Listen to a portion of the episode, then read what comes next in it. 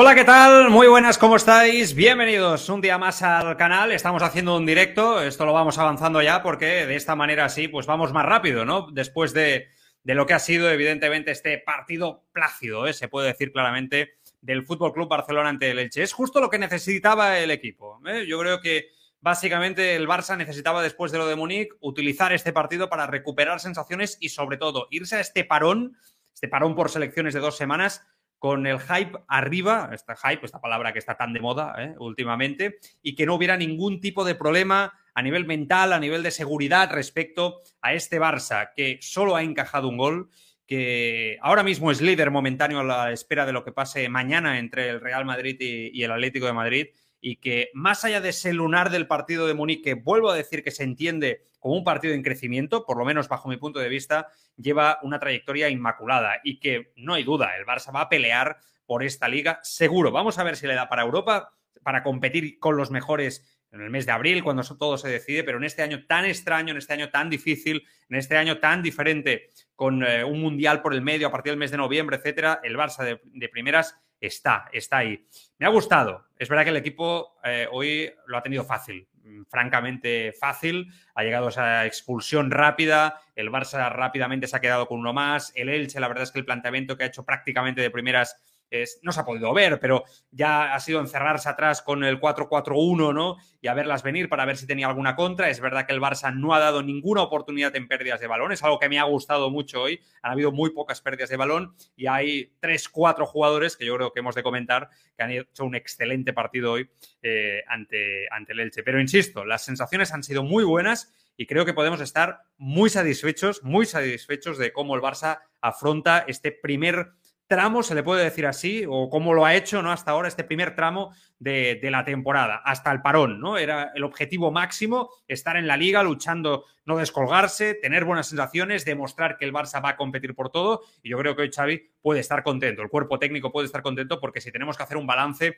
lo vamos a hacer evidentemente muy, muy positivo. Vamos con cosas del, partido, porque el partido, como digo, ha tenido un once que ya para empezar... Eh, ha tenido cositas sorprendentes y no sé si incluso pensar en negativo con alguna, algún tema con, con Ansu Fati, ahora lo vamos a, comentar. Eh, creo que eh, me ha gustado mucho que ver Valde de nuevo en lateral izquierdo, ha hecho dos asistencias, para mí el hombre del partido junto con, eh, con Lewandowski con sus dos goles hoy, pero muy buen partido de Memphis Depay también. encuentro que hoy Memphis haya sido titular por sorpresa para todos, no es casualidad. Algo debe de estar viendo Xavi Hernández con, con Memphis debe estar entrenando bien. Sabemos que es un jugador muy profesional, que se esfuerza muchísimo, que nunca nadie habla mal de él, como digo, de su profesionalidad, que Xavi siempre lo elogia en rueda de prensa, aunque seguramente es el perfil de futbolista que no le gusta más como extremo a Xavi Hernández, pero al final es una obviedad que Ferran Torres ha bajado el nivel, que seguramente la presión le está poniendo un poco eh, por su situación, por el precio pagado, un poco la opinión crítica en torno a su persona en el entorno Barça, y después está el caso de Ansu Fati, que ahora analizaremos, que creo que hay algo que se nos está escapando, porque cuando todas las quinielas ¿no? decían que hoy Ansu Fati iba a ser titular y hoy se ha quedado de nuevo en el banquillo, bueno, es como, como mínimo sorprendente ¿eh? que hoy no haya sido titular. Y creo que se puede llegar a decir que Memphis los ha adelantado los dos. Un jugador que el último día de mercado estaba en la rampa de salida y que prácticamente no contaba. Y sí que entiendo que, que Dembélé y Rafinha, muchas veces lo hemos comentado, son dos jugadores eh, parecidos, ¿verdad? En lo, en, lo que, en lo que aportan. Y que si quieres que uno de los laterales sea más largo en este aspecto, como es el caso de Valde, que es un jugador muy, muy ofensivo y que además pisa área y lo hace con criterio y se ha visto dos asistencias de gol, un jugador que para mí está, bueno, tocado con una varita, la varita mágica del talento, pero, pero bueno, que, que a lo que me refiero es que, claro, Memphis va siempre mucho más para adentro, ¿no? Al final no deja de ser un segundo punta y por mucho que su posición inicial acabe siendo la de extremo izquierdo, acaba siendo un segundo punta, que además creo que a Lewandowski le va muy bien. Vamos a ver si no lo vemos mucho más esto, porque a Lewandowski tener el apoyo mucho más cerca para lanzar la pared y la asociación rápida, eh, sobre todo cuando juega de espaldas a portería, le es muy interesante. Y Memphis este movimiento lo tiene muy marcado. De hecho, con Países Bajos siempre juega. ¿no? Eh, juega así Memphis, eh, Memphis Depay como segundo punta, ¿no? Caído por detrás del delantero. Siempre ha sido esa su posición, mientras que en sus inicios quizá jugaba un poquito más en banda, más escorado, ¿no? Eso le permite a Valde, y si entiendo que cuando juegue Marcos Alonso también, que el lateral izquierdo sea el más largo. Yo creo que en, la idea de Xavi está que el lateral derecho parece que más con Cundé que con Araujo ya en los últimos partidos, sea seguramente un lateral mucho menos ofensivo, que guarde mucho más las, espaldas. Y esto me recuerda aquella, aquel Barça de Guardiola con eh, Dani Alves y Erika Vidal, ¿no? Alves era un extremo más, eh, iba muy por arriba y realmente era un jugador que, insisto, prácticamente no era un lateral y Erika Vidal, en cambio, era un jugador que precisamente ¿no? estaba mm, prácticamente guardando la espalda, ¿no? Como un, un, defensa constantemente. Sí que es verdad que hacía internadas en ataque, pero con mucho más criterio defensivo que ofensivo a la diferencia de Alves. Bueno, creo que el Barça actual se está construyendo en torno a estos parámetros, ¿no? Es la sensación que, que me da un poquito eh, en torno a lo que está construyendo Xavi por lo que se está viendo. Eh, me gusta que apueste por Eric García, yo creo que Eric García y Araujo ya han estado, han estado muy poco exigidos, pero me gusta que, hayan jugado de titulares. Creo que Frenkie de Jong por fin ha hecho un muy buen partido en la posición de medio centro. Es verdad que a mí no me gusta, os lo he dicho muchas veces y, bueno, creo que es una, es una obviedad, ¿no? Que es un jugador que tiene tendencia siempre a ir hacia adelante, que le cuesta mucho guardar la posición en estático y que muchas veces el Barça necesita precisamente esa, esa posición ¿no? que sea el ancla por donde pivota todo, ¿no? no solamente los interiores, sino también los extremos y el propio delantero de mediocampo hacia adelante desde esa posición de pivote. Pero sí que es verdad que De Jong, en partidos como este, donde parece que el rival te va a regalar prácticamente el balón y se va a cerrar atrás, no sé si ya por circunstancias o por esa expulsión, como decimos, de Verdú, eh, el inicio del partido, ¿eh? bueno, yo creo que De Jong sí que se puede adaptar. Es verdad que, por ejemplo, con un rival como el Bayern de Múnich o un Madrid, un Manchester City, yo creo que es un suicidio salir con Frenkie de Jong en esa posición porque va a ser muy anárquico constantemente, te va a romper mucho y realmente te va a despoblar precisamente esa zona para que el rival haga daño por dentro. Que bueno, que precisamente es por donde hizo daño el otro día el, Bayern de Múnich. Bueno, pero ha estado bien, ¿eh? Frenkie de Jong ha hecho un muy buen partido, muy buen partido de Pedri en el interior, no tanto de sí. Ahí me voy a parar. Eh, hoy tocaba que jugara Frank Entiendo que es un jugador que a Xavi le gusta porque es diferente. Ya sabíamos que era un jugador diferente. Un poco la escuela de, Costa de Marfil, ¿no? Ese centrocampista tosco, duro, pero técnicamente bueno. Ha demostrado que tiene llegada, que tiene gol en todos los partidos, que tiene fuerza. Que es un jugador que además se asocia bien sin ser un, interior técnico como podría ser un Pedri, un Gavi, un propio Frenkie de Jong.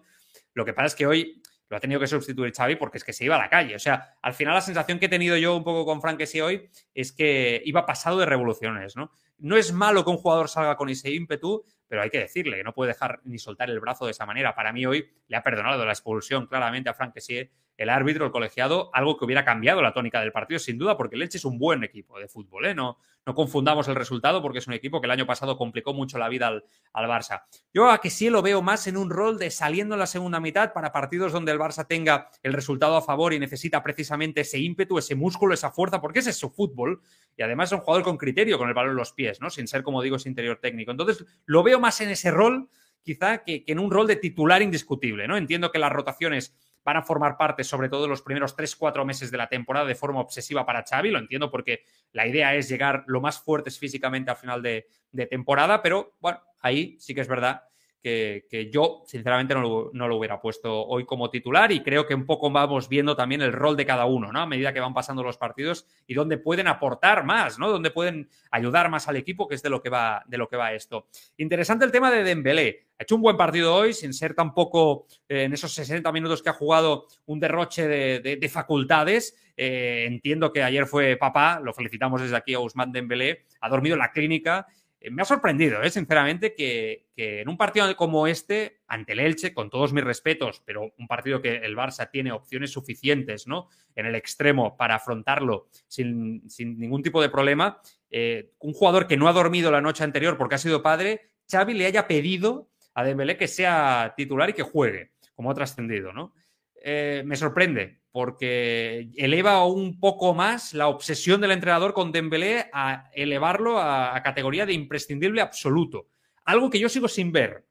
Entiendo que Dembélé ha mejorado, entiendo que lo está haciendo muy bien, entiendo que es un jugador muy útil para este Barça, no me cabe la menor duda, pero sigo sin ver este rol de imprescindible absoluto para un caso como este. Joder, que permitirme la expresión, mucho más importante que el propio fútbol, el nacimiento de tu hijo ostras, llega hasta el punto de pedirle que sea titular, ¿no? Y oye, chapó por la implicación del jugador, chapó, nada que decir, ya eh, no es nada nuevo, lleva tiempo ya implicado al máximo, pero bueno, eh, es verdad que teniendo a Rafinha, ¿no? Teniendo al propio Ansu Fati, ostras, bueno, ha recuperado sensaciones Lewandowski, yo creo que él mismo se le ha visto al principio más serio incluso de lo habitual, ¿verdad? Robert Lewandowski, que ha dado otra exhibición absoluta de espaldas a portería, ha hecho un partidazo impresionante, yo creo que bueno, eh, lo que es Lewandowski, más allá de la definición de los goles, un jugador que, te da tanto, ¿no? Ya he dicho esto de, con Memphis Depay, que Memphis ha hecho un golazo de espaldas a portería, media vuelta. Es verdad que encarar como podemos esperar de un extremo, seguramente ahí Memphis va a ser mucho más débil,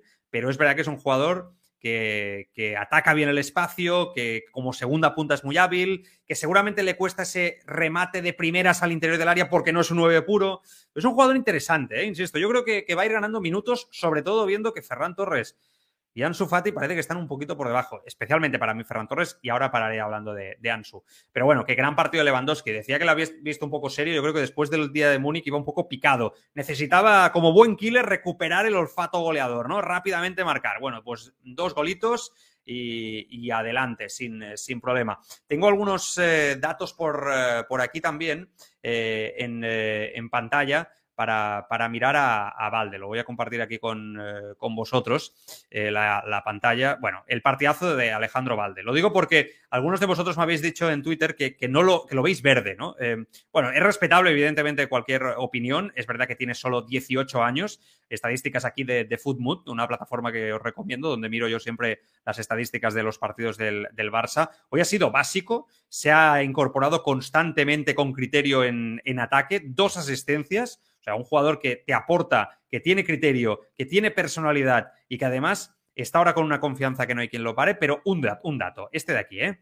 98% eh, de efectividad en pases. Ojo a esto porque es que, insisto, es que es un datazo. Este jugador, que es algo que Jordi Alba, a ver, la comparación, las comparaciones siempre son malas, ¿no? Es, como dicen, pero, pero sí que es verdad que, que, venimos de donde venimos y es verdad que muchas veces Alba, con todo lo que te daba en ataque, ¿verdad? en asistencias, en goles, era un jugador, fijaos también los duelos, ¿no? Eh, gana el 75% de los, de los duelos, es verdad que hoy no, han estado eh, demasiado exprimidos ¿no? en, ese, en ese aspecto, pero eh, que venimos lo que decía de, de Jordi Alba, de que al fin y al cabo es un jugador que perdía muchos balones que, muchas veces en las transiciones complicaban las cosas, ¿no? Por pases tontos, etcétera. Alejandro Valde está demostrando un nivel de efectividad en el pase que a mí me parece muy interesante. La asociación, en líneas tres cuartos, lugares donde realmente es difícil no fallar, porque es el último pase normalmente, ¿verdad?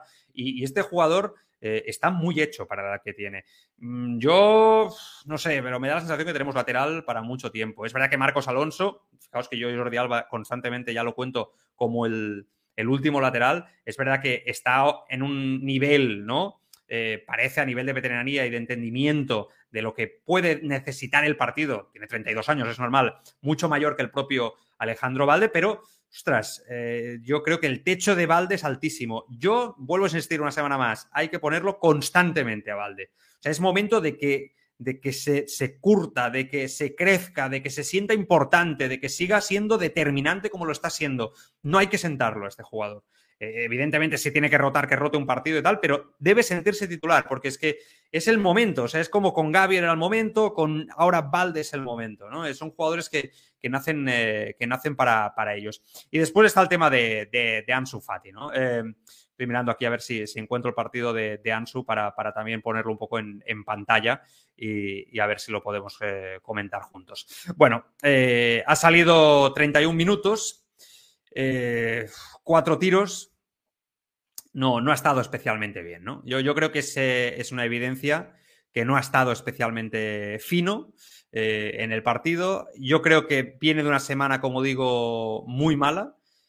Creo que podemos empezar a preocuparnos, me sabe mal decirlo así, hay que tener mucha paciencia con el tema Ansu Fati porque es evidente, para mí lo es, no sé si para vosotros, que algo se nos está escapando con Ansu. No, sé si, no, no sé qué es, no sé si, puedo llegar a intuir que tiene algo que ver con su estado físico, pero no es normal que un jugador como Ansu Fati, que era indiscutible para Luis Enrique, aún prácticamente lesionado, ¿no?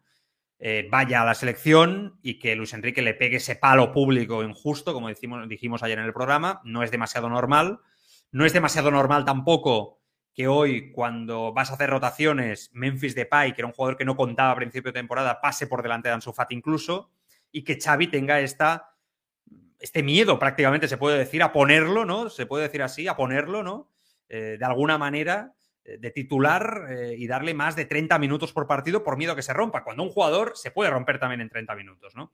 Hoy ha trascendido también que la propia familia estaba muy decepcionada por no ir con España, y es verdad que hoy me he estado fijando mucho en Ansu.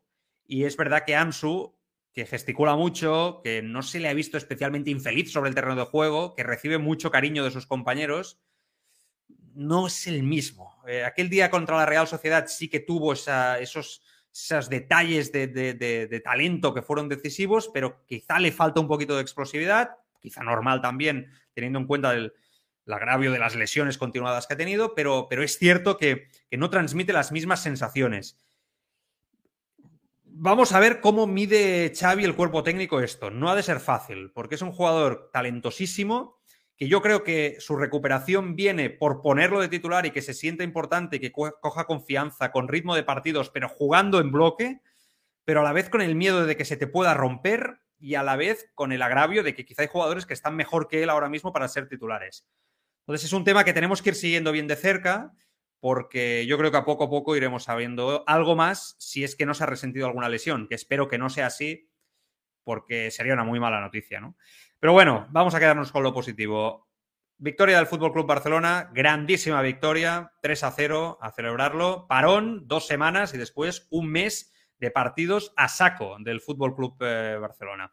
El lunes Tribuna Marca a las 7 de la tarde en directo. Cuidaros mucho. Os leo todos los comentarios. Adiós.